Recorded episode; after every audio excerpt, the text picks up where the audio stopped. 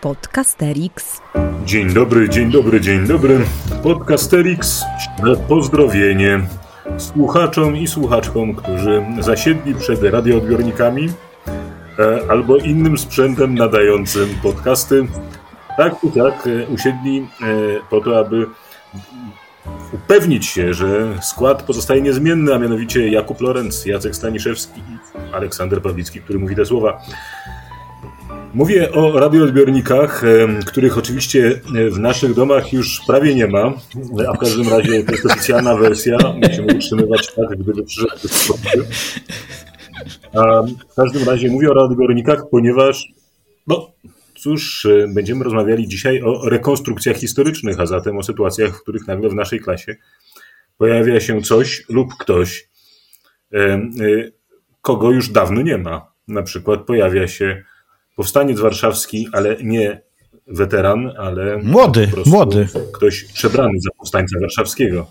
Albo pojawia się żołnierz napoleoński i znów nie weteran, lecz ktoś, kto przebrał się za żołnierza napoleońskiego. Więc panowie, e, powagi, powagi, powagi. Powiedzcie mi proszę, po pierwsze, czy pojawia się w waszych klasach, czy też e, pędzicie go, jak tylko zbliży się do szkoły, e, a jeżeli się pojawia, to Jaki z tego dla Was pożytek? U mnie się nie pojawia. Nie wpuszczasz. A powiedz dlaczego? Dlaczego? Nie, no najpierw powiedzcie, czy się u Was pojawiają. No nie, u mnie się nie pojawia. No i chyba możemy skończyć ten podcast już w tym momencie tak naprawdę. Nie, nie, nie. pojawia się. U mnie też się nie pojawia i teraz odpowiem pytanie dlaczego, bo ja strasznie nie lubię rekonstrukcji historycznej. To mówię no, ale... tonem konfesyjnym. Dlaczego? Słuchajcie, no dlatego, że... Yy Niech zgadnę, próbowałeś zapisać się do I drużyny Wojów Mieszka i tak, ci nie przyjęli. Chyba. No i zadra została do końca życia. Twoją czupryną powinieneś być wikingiem. Tak, no, znaczy ja tak, tak znaczy mam bardzo wielu uczniów, którzy to uwielbiają rekonstrukcje historyczne i robią rekonstrukcje historyczne. Ale ja jakoś nie mam takiego poczucia, żeby to było narzędzie, które uczy o prawdziwej historii. Uczy o tym, jak historia, jak się mm, rekonstruuje, ale to jakoś jest na takim, y, na takim poziomie, który chyba niewiele wnosi do nauki historycznej jako takiej. No, ja oczywiście teraz przerysuję, ale i wiem, że nie wszystkie rekonstrukcje w ten sposób działają, ale jednak y, te analizy tego, jakie błędy pojawiają się na przykład w jednych grup rekonstrukcyjnych pod adresem drugich, typu nie te guziki albo nie te kołnierzyki, i to pójście w stronę szczególarstwa tego typu jakoś mnie bardzo od rekonstrukcji e, e, odciąga. A poza tym też mam takie wrażenie, że to jest e, że jeżeli czytamy tekst albo oglądamy ilustrację z epoki, to obcujemy z czymś dużo bardziej autentycznym, nawet jeśli jest to w przykładzie, niż jeśli widzimy kogoś przebranego za żołnierza napoleońskiego. Więc wolę pokazać ryciny żołnierzy napoleońskich z jakiegoś podręcznika do historii wojskowości z pierwszej połowy XIX wieku, niż zaprosić kogoś przebranego w strój napoleoński. No ale y, Kuba, no przychodzisz do, przychodzisz do y, domu, też masz dzieci i jak myślisz, kiedy twoje dziecko dowie się o tym, że jutro y, pan profesor od historii będzie pokazywał ryciny, a z drugiej strony do kolegi przyjdzie żołnierz napoleoński, będzie pokazywał szable i strzelby i będzie można strzelić sobie w tarczę, to jak myślisz, gdzie, gdzie będzie chciał, gdzie on będzie chciał pójść? No, jednak walczymy, y, walczymy, bo też jestem po, po twojej stronie, nazwijmy to stroną rycinową y, tutaj w tej kwestii, natomiast moim zdaniem no, te wszystkie rekonstrukcje mają jedną pewną zaletę polegającą na tym, że one są po prostu bardzo atrakcyjne dla dzieciaków. No dobrze, to I... w planie minimum powiedziałbym, nie umiem tej atrakcyjności wykorzystać i przekuć na język historii. Aha. Ale to jest do mnie. Ja tego nie umiem zrobić. Ale też nigdy nikt, znaczy nie widziałem, żeby ktoś to zrobił w taki sposób, który by mnie usatysfakcjonował. To znaczy, skupienie się na tej stronie wizualnej, na tym, żeby odtworzyć przeszłość, to, to nie jest to, o co chodzi, jak ja rozumiem historię w historii. Mhm. Ale czekajcie, to, żebym ja się upewnił w jednej kwestii. Czy to jest tak, że e, drażnią cię Kuba i, i ciebie, Jacek, też jak rozumiem, Drażnią was bardziej przebieranki, czy drażni was to i niepokoi was to, że nie do końca wiecie, co z tych przebieranek wyjdzie? Innymi słowy, że po prostu nie, bo... tracicie kontrolę nad zajęciami y, i już pomijam takie sytuacje, w której nagle odkryjecie, że ci rekonstruktorzy po prostu wciskają dzieciom kit, ale no, że po prostu zrobią coś, co jest wam w najlepszym wypadku zupełnie niepotrzebne, a w najgorszym w ogóle wam przeszkadza. Zmierzam do pytania, czy gdybyś na przykład w swoim, w swoim kantorku na zapleczu sali E, miał zestaw rozmaitych mundurów i mógł sam się przebierać. I na przykład mógł poprowadzić lekcję udając starego wiarusa. Pokusa byłaby ogromna, ale chyba nie. Dlaczego? Nie, bo odpowiadając na pierwszą część swojego pytania, to znaczy te dwie y, wątpliwości y, się ze sobą trochę łączą, a trochę się rozdzielają. I rozdzielają się w tym sensie, że ja nie, nie mam narzędzia, które by po, pozwoliło mi, nie znam takiego narzędzia, nie umiem go zastosować, które pozwoliłoby mi przeprowadzić lekcję e, z wykorzystaniem rekonstrukcji historycznej, która byłaby czymś więcej niż tylko pokazaniem, o zobaczcie jak świetnie się poprzebierać stroje z epoki, jak świetnie pobadać te guziki i, i zobaczcie jak wyglądał taki namacalny, e, namacalnie wyglądający człowiek, który przeniósł się machiną czasu do współczesności. Jedna rzecz co do narzędzia, a druga rzecz też jest taka, że trochę nie widzę wartości dydaktycznej w tym. To znaczy, y, historia w szkole jest czymś więcej niż tylko, y, na przykład inaczej. Wydaje mi się, że, nie, że rekonstrukcje historyczne nie stwarzają okazji do tego, żeby zrobić coś więcej niż tylko pokazać, tak wyglądał żołnierz napoleoński, tak wyglądał żołnierz krzyżacki. Znaczy, że tam nie ma miejsca na żadne ważne e, w mojej wizji nauczania historii cele e, z wyższych poziomów taksonomicznych, tak bym powiedział. Ja, ja bym powiedział coś jeszcze jednego, przepraszam, że, że tak jak sobie teraz was słucham, to myślę, że e, my chyba powinniśmy bardziej, bo nie ma, co, nie ma co ukrywać, że dobra rekonstrukcja historyczna jest atrakcyjna wizualnie. Prawie co roku odwiedzam taką e, w Malborku, kiedy e, znowu e, nasi zdobywają, albo tak naprawdę nie zdobywają Malborka. Natomiast to, co ja bym chciał zrobić na swoich lekcjach, to przygotować moich uczniów na takie rekonstrukcje, to znaczy w odpowiedni sposób je odczytywać. A jeżeli bo, ja tak. No. Ja jeszcze jedną rzecz dodam, że jakby powiedziałeś o tym oblężeniu Malborka i o nie wiem, rekonstrukcji bitwy pod Grunwaldem i to, to jest jakby co innego niż rekonstrukcja w szkole. Tak, tak, tak dokładnie. to, co chciałem Dokładnie, bo, bo jeżeli, bo jeżeli ja, ja zapraszam takich rekonstruktorów do szkoły, to ja ich trochę legitymizuję. To znaczy mówię im, zobaczcie, e, to są dzisiaj oni poprowadzą lekcje. Ja tego nie chcę, ponieważ oni to zrobią gorzej ode mnie i ja się nie chcę bawić w ten sposób, e, w, te, w taki, nie chcę udawać, że to jest też dla mnie atrakcyjne. Natomiast mam nadzieję i nie mam nic przeciwko temu, żeby moi uczennice, moi uczniowie w czasie wakacji czy jakimś wolnym czasie pojechali na pole grunwaldzkie, czy pojechali sobie gdzie indziej i zobaczyli konstrukcję i przyszli z odpowiednią refleksją do mnie i żebyśmy sobie o tym porozmawiali, co im się w tym podobało, co nie. No bo to wtedy wiadomo, że to jest teatr. E, w szkole chyba nie do końca to rozumiem, a już zwłaszcza wtedy, kiedy ci rekonstruktorzy, co często widać na stronach szkół niestety, e, zaczynają na przykład namawiać do tego, żeby dzieci sobie postrzelały bo ja wtedy moje pacyfistyczne nastawienie i do tego, żeby dzieciom nie pokazywać jednak broni, trochę cierpi. Także tak. No widzisz, Jacek, my się zgadzamy, ale tu przyczajony tygrys, ukryty smok, Aleksander Pawlicki zdaje się mieć jednak na podorędziu kilka scenariuszy lekcji, w których e, Azalisz przebiera się za Spartanina, rycerza średniowiecznego, powstańca styczniowego i tak dalej, więc wydaje mi się, że teraz wszystkie nasze marudzenia zostaną za moment poddane gruntownej krytyce. Podcasterix. Ja, ja mam, e, ponieważ prowadzę tak, takie demaskatorskie lekcje historii, w związku z tym mam jeden kostium, kostium ufolutka i na przykład jak prowadzę zajęcia o starożytnym Egipcie, to wychodzę w kostiumie ufolutka i mówię, o tak wyglądali ci, co budowali piramidy w Egipcie. I tak to już sobie biegnie.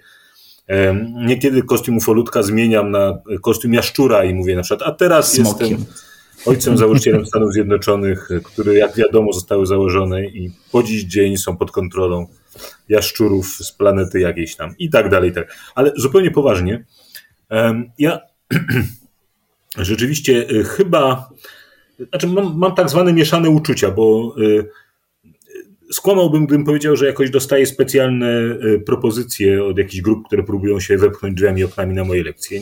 Nie dostaję, więc też nie zamierzam robić, wiecie, cnoty z z tego, że ich tam po prostu nie ma. Mam też pewne wątpliwości dotyczące tego, czy dzieci prowadzić na takie rekonstrukcje gdzieś na zewnątrz, bo dobrze jest chyba wiedzieć, co tam się będzie dokładnie działo. Pamiętam, że kiedyś, chwała Bogu, nie z uczniami, ale po prostu mimo woli, bo przechodziłem, uczestniczyłem w jakiejś rekonstrukcji rzezi yes. woli. To, to, to, to było naprawdę coś makabrycznego i naprawdę niczym się nie tłumaczyło. Poza jakimiś. No, no nie, nie, nie umiem wyjaśnić, co było powodem tego, że ktoś wpadł na ten pomysł. W każdym razie, w każdym razie e, bardzo byłbym tutaj e, rzeczywiście uważny i to, o czym Jacek mówisz, to znaczy, że warto jest e, uczyć uczniów, żeby oni przyglądali się temu, kiedy uczestniczą w rekonstrukcji, trochę tak, jak przyglądają się książce, bo, bo nasi uczniowie bardzo często, myślę sobie, jak otwierają książkę albo jak otwierają artykuł, to nawet jeżeli nie zawsze e, mają dość narzędzi, żeby to czytać krytycznie, to gdybyśmy ich zapytali, czy powinni to czytać krytycznie, to powiedzieliby nam, że tak. Prawda? Innymi słowy, oni myślą sobie, są rozmaite książki albo są rozmaite artykuły i one rozmaicie opowiadają. Natomiast rekonstrukcje albo na przykład muzea jawią się bardzo często jako takie rzeczy przezroczyste, które nie są opowieścią, E, I na przykład e, bardzo często moi uczniowie zapominają, że e, muzeum to jest coś, co napisała jakaś grupa kustoszy, tak? jakaś grupa ludzi odpowiedzialnych za wystawiennictwo.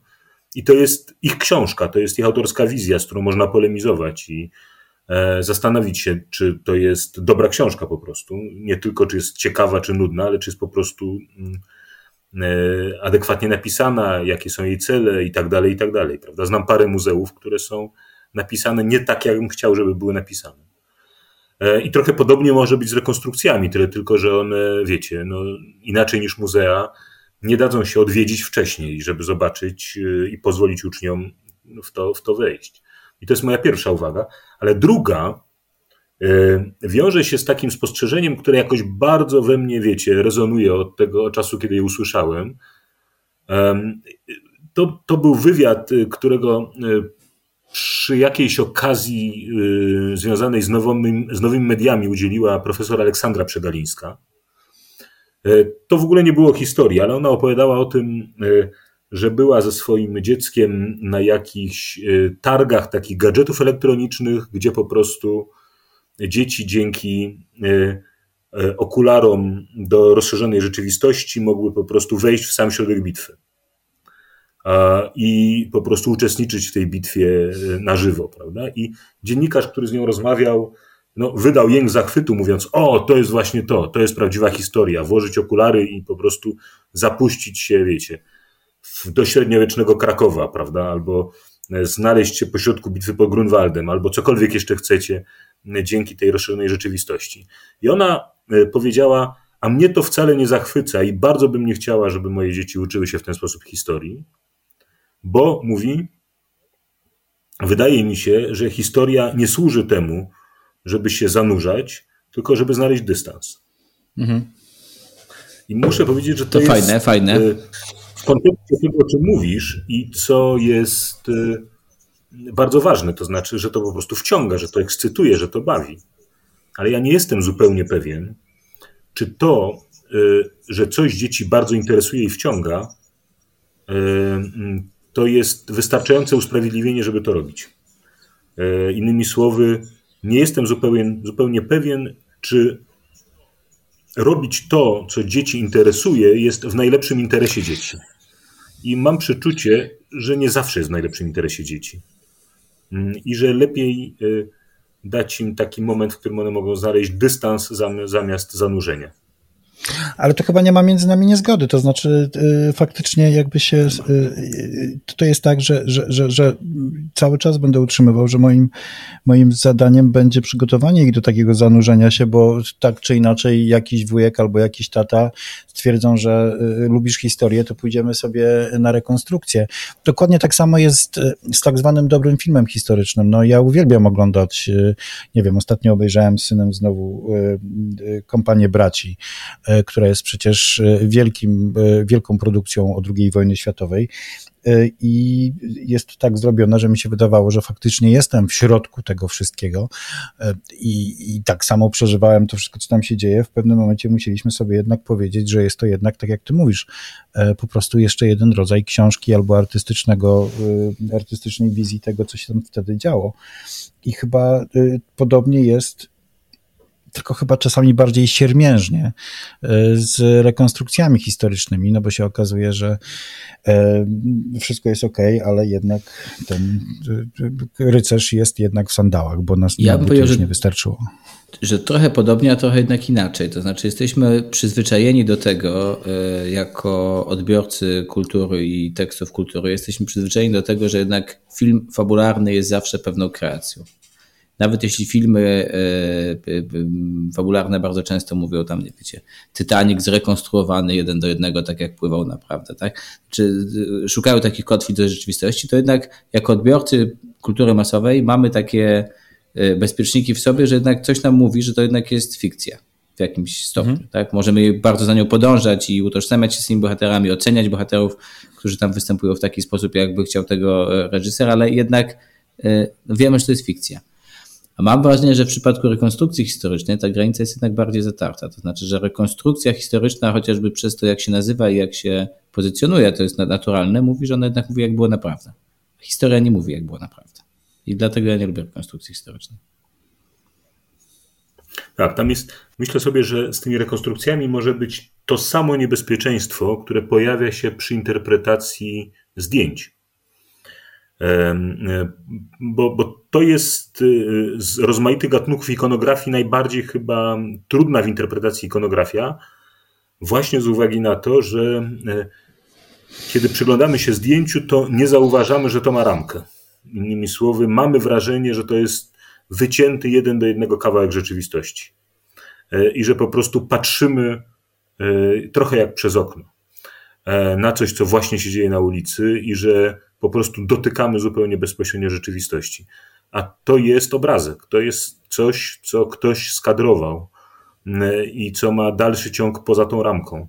A my o tym kompletnie nie pamiętamy, no bo siła zdjęcia jest taka, e, że, że trudno o tym pamiętać. Tak? Jak patrzę na malarstwo, to wiem, że jest rama, ale przy zdjęciu się to gubi. I myślę, że przy rekonstrukcji też to się gubi. No, nie wiem. To znaczy, zawsze przy rekonstruktorze gdzieś tam parę metrów dalej stoi jednak pani woźna albo ktoś, kto bardzo mocno już e, powoduje, że ta rekonstrukcja w pewnym momencie traci znaczenie. I wiecie, ja bardzo lubię takie zdjęcie rekonstrukcyjne, w którym rycerz, no prawie że spod Grunwaldu stoi pod koszem y, i na sali gimnastycznej i to jednak y, pokazuje właśnie taką trochę paździerzowość tego całego, e, całego wyczynu, no bo nie wiem jakby dobrze się ten Urlik von Jungingen, czy, czy jak mu tam inaczej było, stał, no to jednak on nigdy pod koszem nie stał w polu trzech sekund.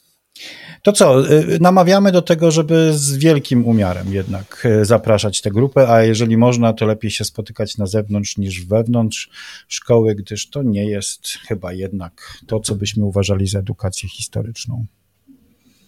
Chyba tak. Tak mi się wydaje. Ale wiecie, że jest jako... dużo nauczycieli, wielu nauczycieli i nauczycielek, a bardziej chyba nauczycieli historii, którzy biorą udział w tych grupach rekonstrukcyjnych i oni nas teraz może słuchają i myślą sobie, to jest ostatni odcinek, w którym, który słucham, bo teraz koledzy pojechali. To, bo ja o rekonstrukcji, bo też chcę powiedzieć, że my raczej mówiliśmy o wartości rekonstrukcji dla, dla naszego szkolnego nauczania, o rekonstrukcyjnych grupach i rekonstruktorach to jest na inną rozmowę. Ja nie jestem zupełnie pewien, czy, czy, czy mam dość wiedzy, żeby się w tej sprawie wypowiadać. mam kilka złych przeczuć y, i kilka wyrazów uznania dla rekonstruktorów. Chociaż złe przeczucia raczej dominują rzeczywiście, ale to nie jest ta rozmowa. To nie jest Trochę mnie uspokoiłeś w takim razie. To kto nas witał? O, to możesz teraz też nas pożegnać. Olek. No cóż, e, e, szanowni państwo, e, czas rozstać się z, radio, z radioodbiornikami. Jest taki moment, w którym program się kończy i ten właśnie się skończył. Gdybyście państwo pragnęli jeszcze spotykać się z osobami, które pozostają w rozmaitych związkach ze Szkołą Edukacji, przypominamy o znakomitym podcaście Claudii Dec, podcast Szkoły Edukacji. Możecie państwo jednym ruchem e, przeskoczyć teraz na jej podcast i słuchanie jej podcastu. Umili Państwo oczekiwanie na kolejne spotkanie z nami już w najbliższy czwartek. Do widzenia Państwu. Do widzenia. Do usłyszenia. To był Podcasterix. Wysłuchali Państwo kolejnego odcinka podcastu Trzech Nauczycieli Historii, którzy lubią sobie pogadać o swojej pracy, bo ją po prostu uwielbiają. Tych trzech jegomości to Kuba z charakterystycznym R, Olek z charakterystycznym głosem i Jacek, który czuwał nad nagraniem i montażem. Podcast przygotowano dzięki wsparciu Szkoły Edukacji Polsko-Amerykańskiej Fundacji Wolności i Uniwersytetu Warszawskiego, w której cała trójka pracuje. Więcej informacji na stronie szkolaedukacji.pl. W czołówce wykorzystano dźwięki na wolnych licencjach, a głosu użyczyłam ja, czyli Adriana Bąkowska. Zapraszamy na kolejny odcinek.